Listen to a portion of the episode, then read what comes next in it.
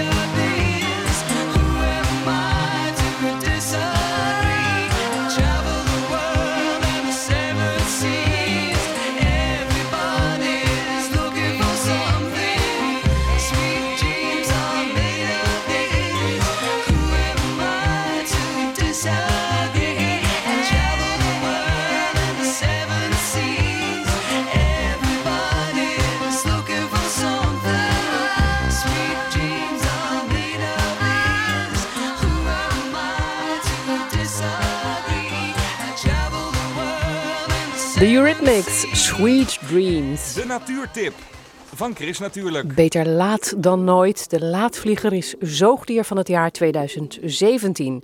Hoog tijd voor een gesprek met Niels de Zwarte over deze vleermuissoort. Het beestje is nu in een diepe winterslaap. Waar? Wisten we het maar. Verzucht de zoogdierexpert van bureau Stadsnatuur. Dat is in wat wij eh, niet goed weten. We hebben een hele oude melding van een winterslaap eh, of een winterverblijf vermoedelijk in, eh, in Rotterdam-Zuid. En er zijn echt maar een handvol winterverblijven bekend in heel Nederland.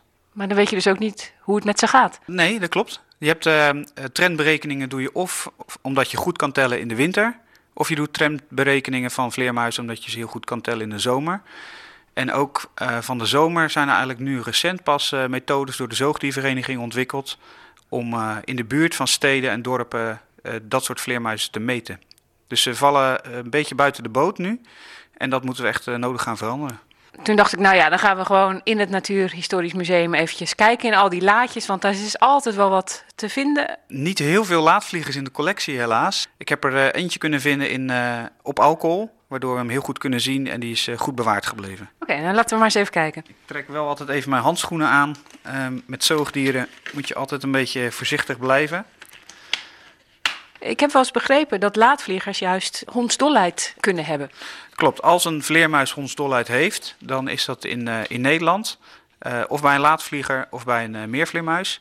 Ik moet wel zeggen, de, ehm, het is niet het klassieke rabies. Het is het, eh, een, een vleermuisvariant ervan, die is wat minder gevaarlijk. Je hoeft er niet zo bang voor te zijn. Je moet alleen nooit een dode vleermuis met blote handen aanraken. Het potje gaat open.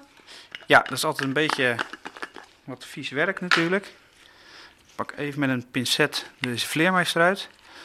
Hij komt trouwens uit eh, Gouda, deze vleermuis, dus het is niet eens een Rotterdamse. Je ziet dat dit een behoorlijk grote vleermuis is. En mensen kunnen het heel snel verwarren met een, eh, een merel bijvoorbeeld. Dat is ook die grootte als je hem helemaal eh, eh, openmaakt. En een laatvlieger is verder vooral heel bruinig. Tot de jaren 60 heette het ook gewoon de bruine vleermuis. En waarom heet hij dan nu laadvlieger? Ja, dat is niet omdat hij per se zo laat uitvliegt. Maar er is één soort die er weer op lijkt, dat is de rosse vleermuis. En de oude benaming van rosse vleermuis weer was vroegvlieger. En het verschil dus tussen vroegvlieger, die echt vroeg vliegt, de rosse vleermuis kun je eh, met daglicht nog wel zien vliegen, ook in het Kralingse bos. Eh, en de laatvlieger vliegt gewoon pas als het eh, donker is. Maar zo ontzettend laat is die dus ook weer niet. En ik zie flinke tandjes ook. Hij heeft een beetje een overbite, zou ik zeggen, als ik bij de tandarts was. Nou, dat, dat heb je goed gezien, want het is, een, het is zoals alle vleermuizen, het is een insecteneter. Maar de laatvlieger staat erom bekend dat hij eh, eh, ook heel veel eh, kevers eet. Nou, is weer een zoekplaatje voor Rotterdam. Hij staat namelijk bekend als een, vleermuis die heel veel mei- en junikevers eet. En die zien we in Rotterdam gewoon niet. Dus dat betekent dat hij een ander dieet heeft. In elk geval niet hoofdzakelijk die kevers. Maar dat hij ook heel veel nachtvlinders zal eten en heel veel insecten. Daarvoor zou ik het liefst heel veel keuteltjes willen verzamelen. Daar zouden we dan zijn dieet kunnen bepalen. Maar dan moet je eerst een goede kolonie zien te vinden. Maar in de zomer kun je het toch wel misschien vinden, want dan zitten ze allemaal bij elkaar. Zo'n kraamkolonie bijvoorbeeld, of in het voorjaar. Dat maakt de laatvlieg ook weer zo ingewikkeld. Hij vertoont een eh, wat ander gedrag dan andere vleermuizen. Normaal gesproken vliegt een vleermuis als het donker wordt, vliegt hij uit, wordt hij wakker en gaat hij eten. En vliegen allemaal rond zonsopgang, dus ochtends vliegen ze allemaal weer terug. En op dat moment heb je er dus heel veel bij elkaar. Dat noem je ochtendzwermen. Dan gaan ze een beetje rond de locatie zitten. Als je dan rondloopt eh, door de stad en je hebt een detector, dan hoor je heel veel geknetter. Een laatvlieger, die vliegen één voor één gedurende de nacht gewoon weer terug. Dus de kans dat je een laatvliegerverblijf vindt, is echt veel kleiner. Je moet heel goed zoeken. Maar als je met zo'n beddetector loopt, zo'n beestje die klinkt een beetje alsof die aan het tapdansen is. Ja, ja, ik vind het zelf ook nog wel een beetje op een, eh, een treinwagonnetje lijken. Het heeft echt een, een, een langzame ritme, wat heel kenmerkend is. Dus je, je, je kan hem niet missen. En hij zit ook op een frequentie rond eh, de 28 kilohertz, waarin andere vleermuizen eigenlijk niet zo hard klinken. Dus je, je eh, een missen met geluid, dat lukt eigenlijk niet. Nou, we hebben er vast nog wel eh, een geluidje van, dus dat laten we even horen. Vind jij het een leuk beest? Ik vind een laatvlieger eh, eh, enorm leuk beest. Ja, hij heeft natuurlijk een beetje een negatief gevoel vanwege die, eh, die kans op ons dolheid. Dat een aantal eh, vleermuizen dat hebben. Ehm, en ik vind het een heel interessant beest omdat hij ook binnen de vleermuizen zo mysterieus is. We weten er gewoon verdraaid weinig van. Dus dit is een heel mooi jaar om eens wat meer eh, aandacht aan die laatvlieger te geven. Wij willen zelf de oude waarnemingen die we hebben bij Bureau Stadsnatuur weer eens op een rij zetten. En kijken om, om juist bij die, die plekken te gaan posten. Eh, ofwel zelf, of we hangen een automatiedetector neer. Gaan misschien wel mensen vragen, mag die een tijdje in je tuin liggen of eh, aan je balkon hangen. En mochten we een kolonie vinden, willen we heel graag mest verzamelen. En dan in het museum analyseren, wat eet de Rotterdamse laatvlieger nou? Het is niet echt een, eh, een echte stadsoort. Je ziet in heel Nederland dat hij in steden en dorpen vooral de buitenranden zit omdat hij eh, ja, in huizen woont, maar vervolgens open landschap nodig heeft, veenweidegebied, eh geopen nat grasland, om eh, te fourageren op zijn insecten. Hebben de mensen er ook nog iets aan dat het het jaar van de laadvlieger is? Eh, we denken erover. We weten wel zeker eigenlijk dat we in de, in de zomervakantie nog een keer extra excursie geven om eh, de laadvlieger te gaan eh, waarnemen. Dat zal ergens in juni, juli zijn. Dan hebben, de- hebben ze namelijk een jong gekregen, dus dan moeten ze veel heen en weer vliegen om te, vo- te fourageren, om genoeg melk te maken.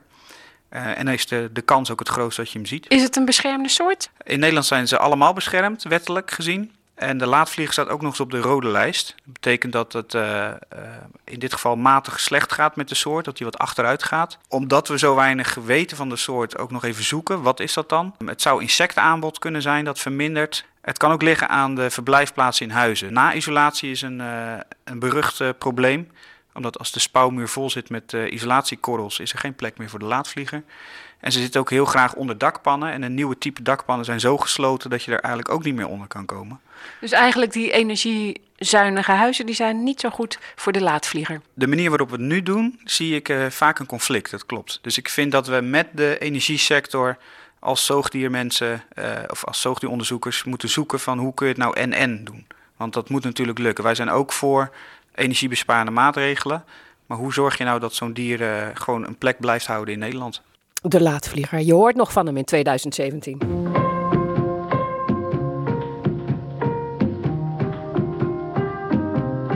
pulling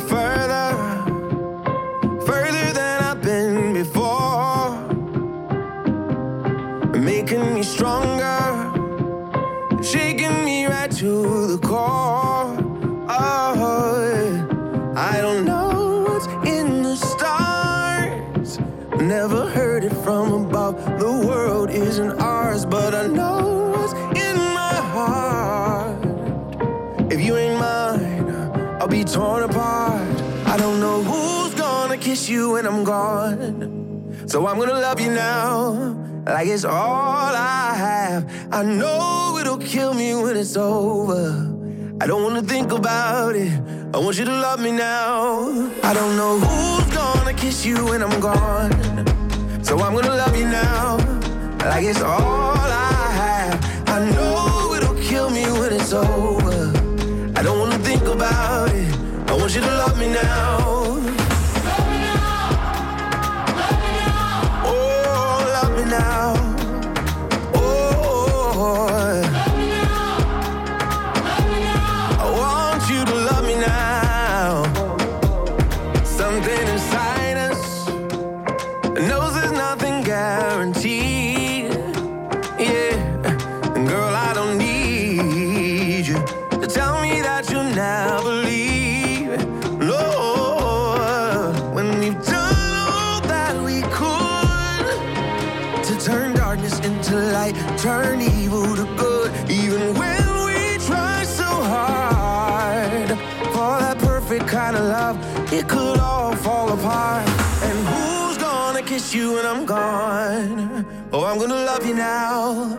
Like it's all I have. And I know it'll kill me when it's over. I don't wanna think about it. I want you to love me now.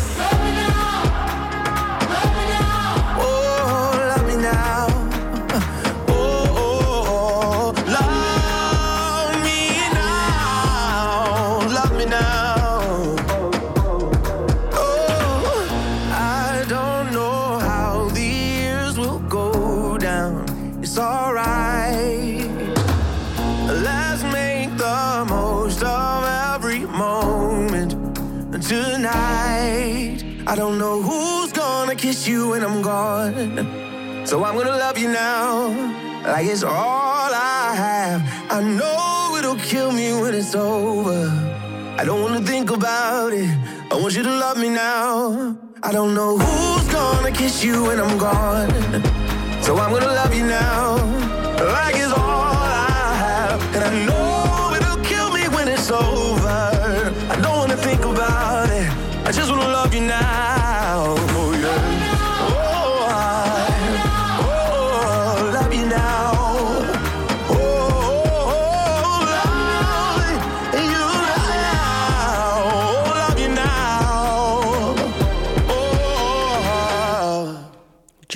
Legend was dat. Chris natuurlijk. Lekker groen. Voor de vijfde keer alweer houdt Eetbaar Rotterdam het festival Er Groeit. Volgende week zaterdag dan kun je inspiratie opdoen op dit Rotterdamse Stadslandbouwfestival. Bestemd voor stadsmensen die stadsboer willen worden. Stadsboer, wat houdt dat in? Dat vraagt Chris natuurlijk aan Sanne van Aperen en Paul de Groot van het festival. Stadsboer, ja, dat, is, eh, dat kan iedereen zijn van mensen die zelf in de vensterbank wat eh, groente willen telen, tot mensen die een eigen bedrijfje beginnen en misschien wel op een hectare of op een paar honderd vierkante meter voedsel gaan telen voor andere mensen in de stad. Heel populair is altijd kippen houden in de stad. Klopt. Ja, nee, kippen houden in de stad. Dat is op een of andere manier, ik denk, het, het heeft deels ermee te maken dat eh, degene die het doet, die kan het heel goed vertellen. Maar het is ook iets wat mensen toch heel erg aanspreekt. En hij heeft ook altijd kippen bij zich, dus dat is een hele leuke workshop. Ja, maar dan ga ik aan Sanne vragen hoe dat bevalt, kippen houden. Ja, in de stad is het natuurlijk wel een half dorp. Het is hier wel een halfdorp, dat klopt. Maar nee, ik word er echt heel erg blij van. Hier, je kijkt lekker uit je ramen, je ziet van die beestjes rondlopen met de gezellige geluidjes en zo. En de buren? En de buren die vinden het ook hartstikke leuk. Ehm, mensen komen echt kijken in de tuin juist. En eh, ik heb heel veel eitjes. Ik geef ook wel geregeld eitjes aan de buren. Dus, eh, Dus dat is wel lekker. En geen haan. eh, geen haan voor de zekerheid, maar dat schijnt ook wel weer te kunnen. Het ligt een beetje aan het ras. Sommigen die maken wat meer herrie. Is dat nou een cursus die jij ook nog zou gaan volgen volgende week? Nou, het lastige is, er zijn zoveel leuke workshops, dus ik kan niet zo goed kiezen. Ehm, maar Jij moet er zelf een geven. Dus, eh, maar heb je dan nog wel tijd om er een te Ja, volgen? ik, mag er nog, eh, ik kan er nog twee volgen. Ik ga in ieder geval voor de, voor de workshop een moestuin maken in strobouw. En eh, hoe dat precies gaat, dat moeten we natuurlijk van meneer Paul van Hedel horen. Ja, nee, dat, dat is wel leuk. We proberen dit jaar eh, sowieso wat. eh, we hebben elk, elk jaar weer nieuwe workshops. Dit jaar proberen we ook een beetje de crossover op te zoeken. En we hebben een aantal mensen die komen bijvoorbeeld vertellen over hoe je energie uit planten kan halen. Er komt iemand komt iets vertellen hoe je zelf een eh, regenmeter kan maken, zodat je op je smartphone kan zien of de bodem al eh, eh, warm en vochtig genoeg is om te gaan eh, zaaien. Iemand komt eh, vertellen over verven met planten. En Sanne is een van degenen die een workshop geeft. De workshop moestuinieren op je balkon. En nou heb je zelf geen eens een balkon. Nee, nee, dat had ik eerst wel. Eh, ik wilde heel lang een tuin, ik wilde moestuinieren. Maar ik- ja, ik had een balkonnetje. Ik dacht, hoe moet dat nou? En ja, ik ben gewoon gaan proberen en dat ging eigenlijk prima op dat balkon. En dat was ook hartstikke leuk. Hoe doe je dat dan, moestuinieren op je balkon? Je moestuiniert in potten. En je moet bedenken, wat- wil ik eigenlijk? Wil ik ook gewoon lekker kunnen ontspannen op een balkonnetje? Of wil ik het helemaal vol bouwen? Ja, dat je er ook nog op kan zitten bedoel je. Ja. En niet alleen maar dat het een één grote moestuin is. ja, precies. Dat inderdaad. En wat had jij dan? Ik had van alles. Ik had eh spinazie, sla. Het zijn allemaal dingen die heel goed kunnen gewoon in een eh, ondiepe pot. Dat kan eigenlijk iedereen wel wat doen op zijn balkonnetje. Maar ik had ook grotere dingen zoals pompoen. Eh, de pompoen die, eh, neemt heel veel ruimte in beslag, normaal gesproken. Eh, ik heb hem in de hoogte geleid, zodat ik toch gewoon efficiënt gebruik kon maken van de ruimte bijvoorbeeld. Tegenwoordig woon je in tuindorp Vreewijk. De naam zegt het al. Jij hebt natuurlijk ook een tuin. Hoe bevalt dat? Het bevalt enerzijds goed. Ik heb meer ruimte. Ik kan, Nou, heel veel meer ruimte zelfs. Want je hebt ook de tuin van de buurvrouw tot je beschikking. Ja, ook nog. Ook nog inderdaad. Dus zij heeft zon en ja, ik mocht haar tuin gebruiken, dus daar ben ik heel erg blij mee. Maar mijn balkonnetje mis ik ook nog wel geregeld. Omdat het zo praktisch en overzichtelijk was misschien. Dat, dat is heel prettig. Dat is ook heel fijn. Je hoeft niet op je knieën te zitten. Maar eh, hoe gaat het op een balkon? Ik bedoel, kan je op een balkon waar geen zon is ook een moestuin beginnen? Geen zon is wel heel weinig. Dan kan je altijd nog paddenstoelen telen. Maar ook op een balkon met gewoon weinig zon zijn er echt wel mogelijkheden. Dingen als eh, sla, eh, spinazie, snijbiet. Dat kan ook gewoon prima als je, als je weinig zon hebt. Kruiden. Kruiden, overal zijn wel mogelijkheden voor. Ja, Ja, dus je kan eigenlijk altijd, als je wil, stadsboer worden. Stadsboertje. altijd. En het is allemaal heel groen en duurzaam wat jullie doen. Stadslandbouw is natuurlijk altijd duurzaam, want je gaat geen gif lopen spuiten eh, op een plek waar we zo- zoveel mensen wonen. Ja, op een balkon eigenlijk heb je... Ja, balkonnen zijn van beton gemaakt. Ehm, beton houdt veel meer, meer warmte vast, zorgt voor opwarming van de stad. Ehm, als je gewoon een groen balkon van maakt, eh, die planten die houden weer, eh, weer watervast. En je zorgt eigenlijk gewoon voor veel meer afkoeling in de, in de stad. Dus ook het eh, milieuaspect komt daar weer in terug. Volgende week zaterdag eh, in Rotterdam op de VMBO-locatie van het Grafisch Lyceum in Rotterdam. Van kwart over negen tot drie het Stadslandbouwfestival Er Groeit. En op de site van Chris natuurlijk vind je een linkje met meer informatie.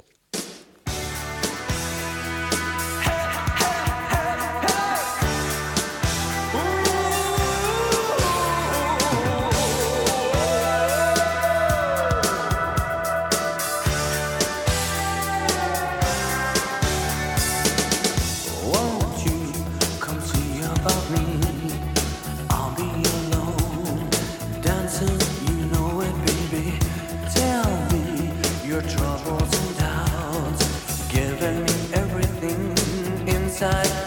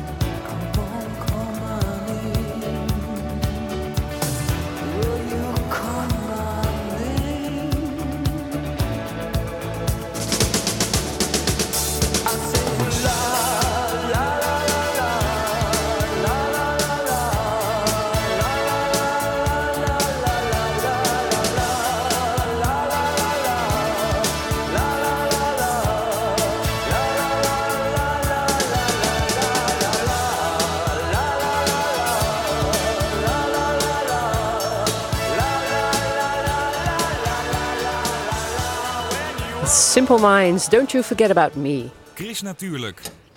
De weekendbijlage. En wat staat er in de weekendkranten over groen, natuur en milieu? Dat hoor je in het overzicht. Ik lees het samen met Martin van der Boogaard. Martin, goedemorgen. Je bent er helemaal klaar voor. Je leest het eerste bericht. Ja, goedemorgen Chris. Ja, het begint een beetje eng in de kelder van het Erasmus MC in Rotterdam.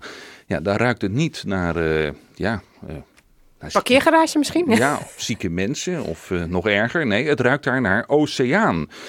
Waar je een, eh, een parkeergarage zou verwachten, daar zwemmen duizenden kleine visjes in honderden op elkaar gestapelde aquaria.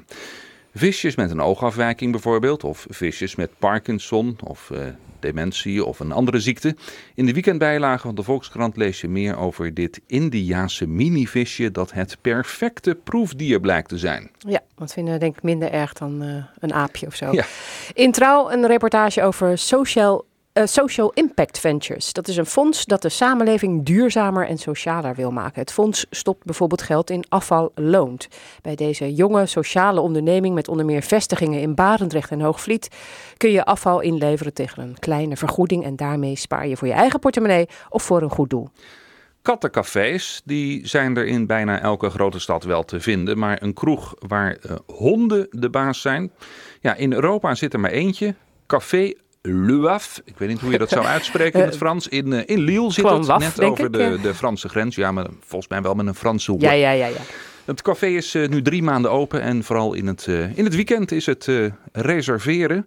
Want ja, het is daar hartstikke druk met al die honden, schrijft de Telegraaf. Ja, maar, jij denkt dus dat Franse honden anders blaffen dan Nederlandse honden? nou, ik vind het heel erg Nederlands uitzien. Le Waf. Ja, ik ook. Paleontoloog Jelle Reumer die schrijft in zijn wekelijkse rubriek over dieren in trouw over de spons. Geen dier zo ondierlijk als de spons, zegt hij. Sponsen bezitten geen bloedvaten, geen zenuwstelsel, geen spieren, geen darmkanaal en verder ook niets wat, normaal gesproken, wat wij normaal gesproken aan dieren toedichten. Dan gaan we naar grote Nederlandse bedrijven, want die willen een einde maken aan wat zij het oprukkend populisme en negativisme noemen. Ze willen onder meer inzetten op duurzaamheid. Dat staat in het Financiële Dagblad.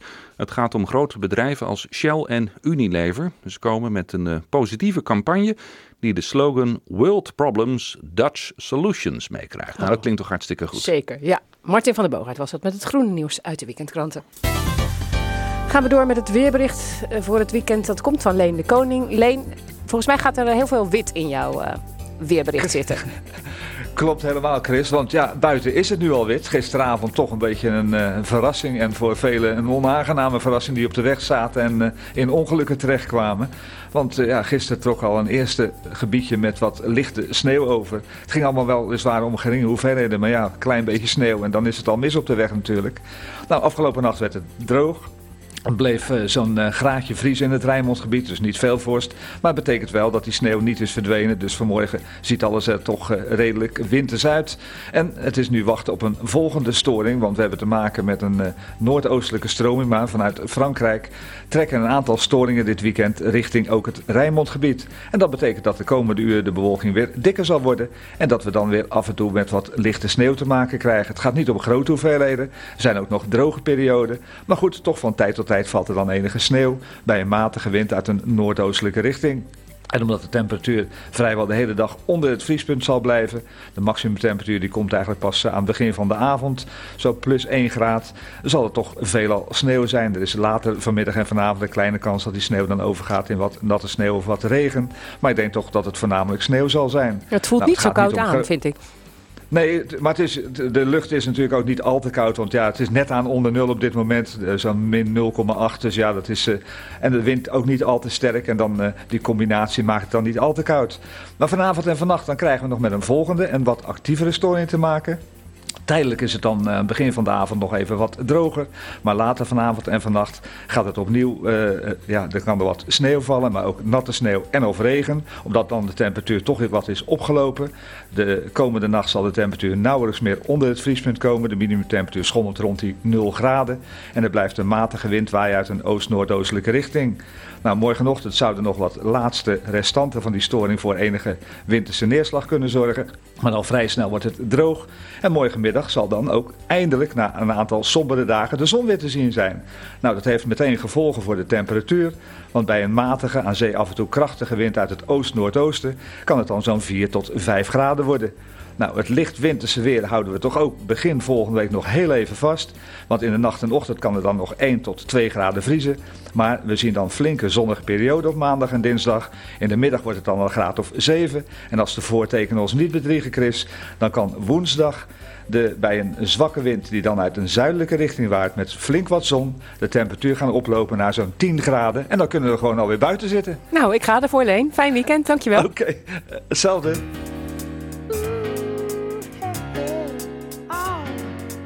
What we're living in. Let me tell ya. And it's a world that man can eat at all. When things are big that should be small. Who can tell what magic spells we'll be doing for us?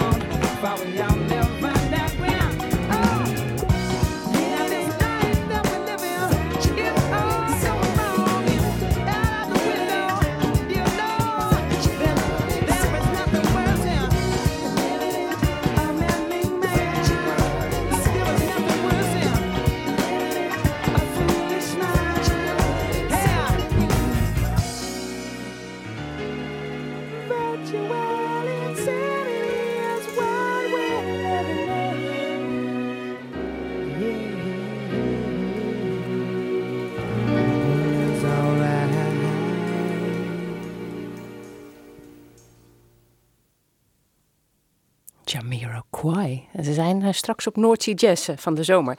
Jet Maro, bekend van het literaire kindertijdschrift Boekie Boekie, die schrijft columns bij de foto's die ze maakt in Rotterdam te zien en te lezen op haar blog. En één keer per maand te horen in Chris natuurlijk. Vandaag verdiept ze zich in kunst met een grote K. Ja, het is Art Rotterdam. En dat is niet alleen in de Vanellenfabriek, dat is door de hele stad. En bij de beeldentuin van Atelier van Lieshout zie je de mooiste beelden voorbij komen. Dat is weer wat anders dan een groene tuin. Het is wel een beetje groen, want sommige kunst is heel duurzaam van eh, Joep van Lieshout. Je kunt ook naar binnen. En binnenin is ook een waanzinnig mooie installatie van oude televisies en wasmachines. Maakt hij nieuw kunstwerk. En dat is echt spectaculair. Buiten heb jij ook een paar favoriete kunstwerken uitgekozen. Welke bijvoorbeeld? Nou, daar zie je een heel groot rood weefgetouw. En wat bij hem wel zo bijzonder is, dat hij dus dingen echt uitvergroot. En dit is een hommage aan de industriële revolutie. Dat de apparaten waren voor die tijd waren we met de hand bediend. En daar gelooft hij nogal in. En een ander kunstwerk, The Tree of Life. Nou, dat gaat over hemzelf. Dat is eh, een levensboom. Daar zie je ehm, de geboorte van de mens. Je ziet daar eh, het gevecht met jezelf als je opgroeit. Van wat wil ik worden en wat wil ik zijn. En dan word je oud en later sterf je. Dus het is de levensboom. Het is een soort cyclus van je leven. Ook heel erg mooi. Deze plek heeft jou dus geïnspireerd tot de column Kijken is ook een kunst. Sinds ik het plan heb opgevat te gaan verhuizen, kijk ik anders naar de stad. Waar wil ik wonen en waar niet? De wijken waar wat gebeurt en waar wat te zien valt, staan bovenaan mijn lijst. Vooral het Vierhavensgebied is spannend. Daar staat op de perfecte locatie een monumentaal pand al geruime tijd leeg. Het is wachten op de projectontwikkelaar die daar woningen en wijkruimtes van maakt. Al fietsen door de haven op zoek naar mogelijkheden kwam ik terecht in de beeldentuin van Atelier van Lieshout. De tentoonstelling als onderdeel van Art Rotterdam is net geopend. Ik ben één van de eerste bezoekers en loop met de catalogus onder mijn arm van beeld naar beeld. Het zijn vooral mensen en machines die sterk uitvergroot zijn. Zelfs het kleinste detail is immens groot. Elk onderdeel heeft een functie. Dat wat niet nodig is, zit er niet aan of in. Ineens zie je overeenkomsten tussen mensen en machines. Joep van Lieshout is ook een meester in het maken van bijzondere kleine gebouwen. Ook een idee, denk ik. En als je aan een nieuw avontuur toe bent, hoef je niets in te pakken. Zijn kunstgebouwen zijn compact en overzichtelijk en kunnen bijna overal neergezet worden. Helaas, in de catalogus staan geen verkoopprijzen, alleen maar informatie over de beelden. Een medewerker ziet mijn teleurgestelde blik en komt op mij aflopen. Zonder iets te vragen begint ze enthousiast te vertellen over de functies van de verschillende bouwwerken. Het is niet te geloven. Het gebouw dat ik het mooiste vind is een crematorium. Eens zal ik daar terechtkomen, maar dat is niet iets om in te wonen. Nee, vandaag heb ik geen nieuwe woonplek gevonden, maar ik ben wel tot ontdekking gekomen dat kijken ook een kunst is. De column van Jet Maro en de bijbehorende foto kun je bekijken op haar vlog. Op chrisnatuurlijk.nl staat een linkje. Art Rotterdam is nog tot en met morgen in Rotterdam. Waaronder op de locatie in Atelier van Lieshout aan de Keilenweg nummer 18.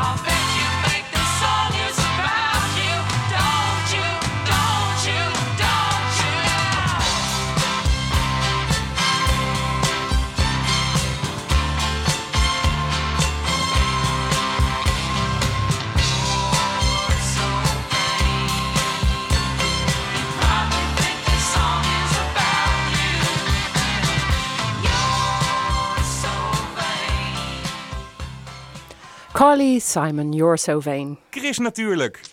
Lekker lezen. Te koud om naar buiten te gaan, behalve om eventjes de nieuwe Kluun te kopen of om alvast warm te lopen voor de nieuwe roman van Bert Wagendorp. Nou, het is eigenlijk misschien een beetje ouderwets zoals ik dat zeg, want ja, een hoop mensen bestellen het ook eh, via internet, maar dat vindt Hubert van Beloy van Boekhandel eh, Maximus in Rotterdam misschien minder eh, leuk. Je moet gewoon even boeken, echte boeken kopen in de Ja, boekhandel. Zeker. precies. Hubert, goedemorgen. Morgen. Nou, Kluun, de, de man van Komt een vrouw bij de dokter, die heeft een eh, nieuw boek. Al in 2014 was dat boek aangekondigd en nu is het er dan eindelijk. Is het de moeite waard om Zo te gaan lezen? Eh, zijn fans zullen het zeker goed vinden. Ik was ook eh, verrast. Het is niet een auteur die ik heel erg hoog op mijn eh, nachtkastje held heb liggen. qua eigen voorkeur. Maar ik, ik, ja, ik vind natuurlijk wel dat ik van mijn vak ook wel de grote dingen die goed verkopen ook wel moet kennen. Ik moet een niet beeld hebben van, nou ja, waar gaat dit over en hoe schrijft nou iemand. Maar hij heeft een buitengewoon slim boek geschreven. Waar hij schrijft over nou ja, zijn, zijn, zijn, zijn jeugdvriend DJ Tor. Torvald van Gestel, een Brabantse jongen. Ja, en, En als je wordt- niet zo in het wereldje zit en je gaat googelen, kom je hem toch nergens tegen. Komt toch nergens eh, tegen. Hè? Dus hij DJ suggereert- Thor. Precies, hij schrijft in het boek van nou, ik heb, ik, heb een, ik heb een verhaal, ben tegen een verhaal aangelopen en dat moet ik vertellen. Dus je gaat er wel helemaal in mee. En eh, hij wordt gevraagd om nou ja, een interview eh, te maken met zijn goede jeugdvriend, want hij is onbereikbaar, want te groot voor de media. En nou, dat- dan gaat hij op weg naar, naar Amerika om hem te interviewen. Eh, nou, dat lukt alsmaar niet. En uiteindelijk raakt hij wel degelijk weer eh, in contact met hem. En gaat hij ook echt een, die dance scene met hem in. Dus je krijgt een wereld van nou ja, seks, drugs en rock'n'roll. Veel drugs en drank trouwens. En eh, nou wat, wat knap eraan is, is dat hij, hij schrijft vanuit ik-persoon. Dus je gaat ook Ja, hij helemaal zegt mee, ook Kluun. Hij zegt Kluun Ja. en hij, eh, nou ja, hij noemt ook eh, man en paard eh, in het echte leven. Hoewel DJ Thor dan waarschijnlijk echt niet bestaat. heeft. Maar hij, hij vertelt wel over bestaande bekende mensen, tv-programma's, festivals in Amerika waar hij naartoe gaat. En dus, nou ja, je leest het dus alsof hij ook echt schrijft hij, over zichzelf en over zijn kinderen. En nou ja, wat hij doet, wat ook een beetje uit dat, hè, komt de vrouw bij de dokter destijds, een grote bestseller natuurlijk. Dat hij ja, zichzelf als, als schrijver eh, niet spaart. Hè? Dus hij is, eh, hij is op reis, hij, hij, hij verwaarloost eigenlijk min of meer zijn kinderen. Ja. Eh, moet vechten om nou ja, een overgangsregeling of een omgangsregeling met zijn kinderen. Dus hij is ook gewoon ja, een lul in dit boek, zeg maar. Dat is toch Ja, ook wel ja, en dat vonden mensen in dat, dat het vorige boek ook. Ja. En toen werd er natuurlijk Stijn geschreven. We noemden die zichzelf niet Kluun, maar dat hij nee, nu is hij helemaal Kluun aan het overspel plegen was terwijl zijn vrouw dan thuis met kanker zat. Precies. En dat nou ja, was natuurlijk toch een omstreden boek daardoor ook. En nou, ja, dat is dan hier wat minder heftig, maar toch. Hè, want ja, verwaarloos je kinderen maar eens. Hè, dat is ook nog een, een serieus eh, thema. En eh, nou ja, het is ook natuurlijk een spectaculair verhaal over hoe die scene dan ook achter de schermen werkt. En eh, nou ja, uiteindelijk komt hij goed in contact en gaat hij dus op reis met hem. En dan, nou ja, dan gebeurt er iets, er, er- er circuleert een foto rond. een compromitterende foto. Oh jee, dat het is wel op- heel erg ja, die- actueel, hè? Ja, zeker. die het web opgaat en nou ja, dan stort de hele carrière van eh, DJ eh, in. En dan vlucht hij eh, thuis bij Kluun, Kluun, in huis. ja. En ja, ik kan er niet veel van vertellen, denk ik verder. Hè? Nee, hij gaat, en Kluun die wordt gevraagd om een biografie over hem te schrijven, waar DJ Thor niet aan meewerkt. En eh, nou ja, hoe het afloopt eh, kan ik gewoon niet vertellen. Er zit een hele knappe twist in, die ik absoluut tot de laatste bladzijde niet zag aankomen. Dat vond ik echt wel Oh, heel dat is wel heel goed, Dat ja. is heel knap. Ja, Ja. ik ging er helemaal mee. Ik bedoel, dit is een, iemand die gewoon een goed boek kan schrijven. hè. Een lekkere, snelle plot. En je gaat natuurlijk wel een Echt een beetje de reclameman toch ook. Ja, Ja. goed. Weet je, het zit gewoon goed in elkaar. En eh, nou ja, ik was absoluut eh, blij verrast door het einde. Dus ik vind het wel een, eh, wel een aanrader. Goed, DJ van Kluun. Het is uitgegeven bij Podium. Het kost in de winkel 19,99 euro. En er is één luisteraar die dit boek kan winnen. Bel 010 436 4436. En dan maak je kans op dit boek. En dan gaan we door met de volgende, Masserbroek. Nou, dat is de nieuwste roman van Bert Wagendorp. Eh, eh, daarvoor zou je naar de winkel kunnen gaan, maar die is er nog niet, hè? Nee, die is er nog niet. Die komt eh, de 15e, volgende week. En eh, nou ja, zoals je net al terecht schrijft, nou je kunt vandaag geen radioprogramma en kranten, denk ik, beluisteren Horen of zien. en, hè? ja, zo ja. was het. Zonder eh, deze twee mannen. Hè, dit, wordt natuurlijk, ja, dit wordt natuurlijk goed uitgespeeld eh, in de pers en door de uitgevers. Ja, nou, Twee- misschien is Bert Wagendorp iets minder bekend. Is columnist van de Volkskrant bijvoorbeeld. En ook schrijver van dat boek Ja, van, van- Toe. Precies, Van Toe was natuurlijk... nee, het is, het- het- je hebt gelijk. Maar dat Van Toe was natuurlijk wel een waanzinnige bestseller. Ja, hè, dat, en een film over- ook van gemaakt. en toneelstuk zijn de plank opgegaan. Hè, het boek wat... het boek wat je moest lezen als je eh, mannenvriendschap wilde begrijpen. Weet je dat nog? Dat, dat werd erop geplakt, hè? Eh, daarmee werd het ook wel een enorme bestseller. Hij heeft nu een nieuw boek geschreven eh, over een journalist. En de journalist werkt eh, als columnist bij de grootste krant van Nederland. En is heel erg anti het establishment. Dus ze schrijft heel erg kritisch over de huidige regering. Dus hij zou ook wel een beetje over zichzelf kunnen schrijven. Zou zomaar kunnen. Een van de grotere kranten zo- van zo- Nederland. Zou zomaar kunnen. En, zijn zus is eh, tekstschrijver en wordt in het boek eh, persoonlijke assistente van de premier. Nou, dat, je hoeft maar een halve zin te lezen en eh, ja, Mark Rutte all over the place, zeg maar. Ja? Hoewel hij Ja, niet zo ook goed beschreven? Ja, je, je gelooft ook direct dat het hem is. En, En waarom? Kun je een voorbeeld ligt er geven? ook heel duidelijk bovenop. Nou, de- hij beschrijft zelfs zijn manieren en het goed lachen. En weet je hoe hij alles weg, lacht, Weglacht. afvallen weg. Ja, Ja, precies. Dat doet hij, doet hij buitengewoon goed. En er zitten in het, verha- het boek, dus het, nou, het gaat over zijn carrière binnen die krant. Er zitten een aantal verhaallijnen in die, die te maken hebben met onderzoeken die hij doet voor die krant en de geschiedenis van die krant. Maar er zit een hele mooie, sterke rode draad in die ook precies te maken heeft met die spanning dat zijn zus natuurlijk voor de premier eh, werkt. Ehm, t- de, eh, er is een militaire missie in het verre buitenland. En eh, daar wordt een deel van hun konvooi, een Nederlandse konvooi, wordt aangevallen. Vier jongens in dezelfde jeep of tank. En drie overleven die aanval niet en eentje wel. Terwijl die jongen eh, naar Nederland wordt gevlogen, besluit nou ja, de regering om deze En jongen de tot, spindokter misschien wel. Precies, tot nationale held te maken. Eh, en de koning wordt daar ook voor ingezet met alle, eh, alle egaars en nou, plechtigheid die erbij horen. Maar voordat dat überhaupt plaatsvindt, komen ze er eigenlijk achter dat die jongens eigenlijk onderdeel waren van een smokkelnetwerk. En daarmee wordt die jongen dus ineens van held naar, nou ja, in ieder geval niet Oh held. Ja. Nou, ze besluiten dat in een doofpot te stoppen. Eh, en daar wordt de journalist eh, een deel van. Eh, ja, meer ga ik niet van verklappen, hoe ze dat oplossen. Maar Maar het, het zijn dingen natuurlijk, hè? want hij wordt natuurlijk waarschijnlijk gemanipuleerd. Dat het zijn dingen, absoluut. ja, heel, absoluut. een heel actueel eh, thema. heel actueel thema. En ehm, ja, hij doet het ook zo dat je ook, ja, het is natuurlijk, dat je direct ook gelooft dat dit toch zo kan plaatsvinden. En dat met name ook wel iemand die lijkt op Mark Rutte eh, het ook wel op zo'n manier oplost zoals in het boek gebeurt, zeg maar. Hè, hoe, hoe, nou ja, schandalig misschien ook gebeurt. En als je dat leest, denk je van, nou, ik wil later journalist worden? Nou ja, eh, de journalist in kwestie eh, krijgt hierdoor wel een flinke knauw. Want ja, zijn geloofwaardigheid, want hij besluit mee te werken. Meer zou ik er niet van vertellen. Maar ja, da- da- daarmee maakt hij ook wel een beslissing in zijn eigen carrière. Dus eh, ja. Masser Brok van Bert. Wagendorp. Vreemde naam trouwens, Masser. Van Bert Wa- Wagendorp. Het verschijnt eh, volgende week op zondag 18 februari. Dan eh, komt de schrijver naar Donner in Rotterdam. En dan wordt hij geïnterviewd door een oude bekende van Radio Rijnmond. Namelijk Maria Heide. En wij hadden nog een uitsmijter beloofd. Een roman van een Deense schrijver waar jij echt een groot fan van bent. Zeker. Eh, een heel erg mooi boekje. Niet zo eh, dik, 150 pagina's. Wel novelle eigenlijk. novelle eigenlijk. Ja. En eh, het vertelt, het begint met... Het, en hij heet dus oh, Jens sorry. Christian Grondaal. Zo is het, ik wil gelijk al gaan vertellen. Ja, want ik dacht, Vaak jij ben gaat ik gelukkig. iets over de schrijver, dat- dat- vertellen. Precies, nou, ik, ik ga gelijk over het boek als je het goed vindt. Want het is gewoon te mooi. Het gaat over twee bevriende stellen. En die gaan samen op insport. De man van het ene stel en de vrouw van het andere stel, die overlijden, eh, komen te overlijden. Een ongeluk, ongeluk op de piste. En eh, dan blijven dus eh, een man en een vrouw over. Ja. Die komen in het boek tot de liefde. Nou, dat is heel geloofwaardig. Je zou het echt misschien een beetje verzonnen vinden, maar dat is echt mooi gedaan. En die mensen blijven heel lang bij elkaar. Een man overlijdt uiteindelijk naar ouderdom en die vrouw blijft dus alleen achter. En besluit om fictief een brief te schrijven aan de overleden vrouw die haar hartsvriendin was. Ja, en dat is En- dan alweer lang geleden. Dat is alweer heel Ja, lang geleden. ja. En, eh, daar, eh, en zij weet het geheim wat dat stel samen deelde. Nou, dat, dat kan de luisteraar echt wel raden waar het over gaat, denk ik. Eh, en dan ontstaat er een heel erg mooi verhaal waarbij zij nou ja, die geschiedenis beschrijft. waarbij ze nou, haar eigen rol en die van haar vriendin natuurlijk heel erg onder de loep neemt. Maar ook haar relatie, dat vond ik eigenlijk nog wel het mooiste, denk ik. Haar relatie met haar stiefkinderen. Eh, want ja, ze heeft eh, van het huis onder andere geërfd van eh, de man. En nou, dan gaan die kinderen komen in beeld om het kapitaal onder andere te claimen. Maar ook een invloed op haar leven te hebben die ze helemaal niet wil hebben. En ja, die, die on- ontworsteling eigenlijk die er plaatsvond, vond ik wel heel mooi geschreven. Dus natuurlijk een heel ander boek dan de eerste twee boeken. Heel fijn, mooi geschreven literair werkje. En nou ja, het, het roept ook wel emoties op. En eh die gaat wel over dingen na. En ook een beetje uit het leven gegrepen?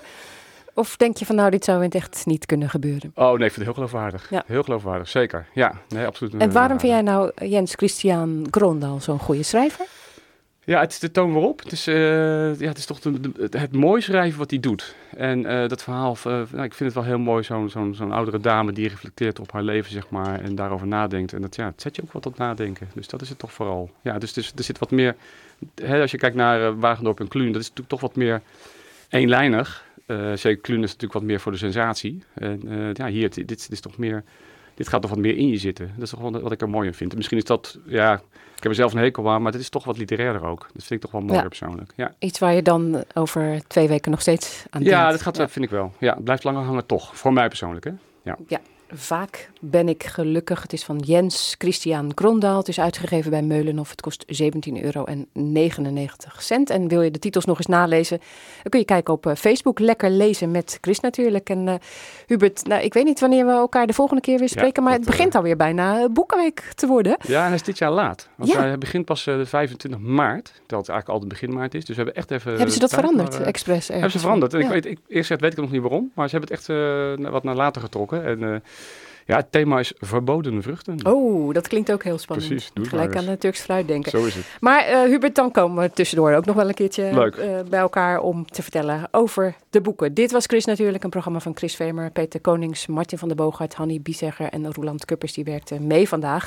En volgende week in Chris natuurlijk eh, alle fossiele jagers verzamelen in het Natuurhistorisch Museum voor fossiele zeehonden, walrussen en andere zeezoogdieren van lang, lang geleden.